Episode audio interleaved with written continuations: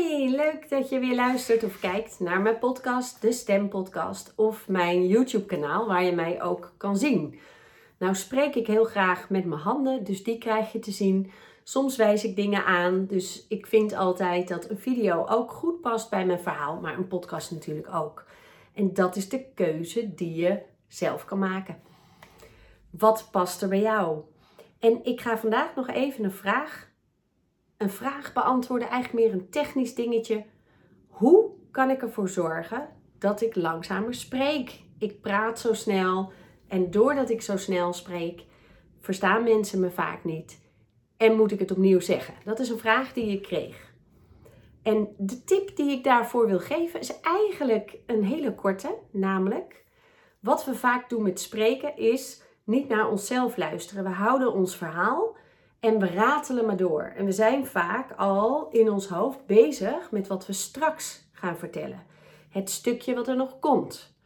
En daardoor luisteren we niet naar onszelf en praten we super snel. Zijn we onszelf zelfs soms kwijt. Misschien herken je dat wel als je een snelle spreker bent. Op het moment dat je spreekt en ondertussen je best doet om naar je eigen woorden te luisteren, blijf je meer hier en nu in dit moment. Ik luister nu naar mezelf.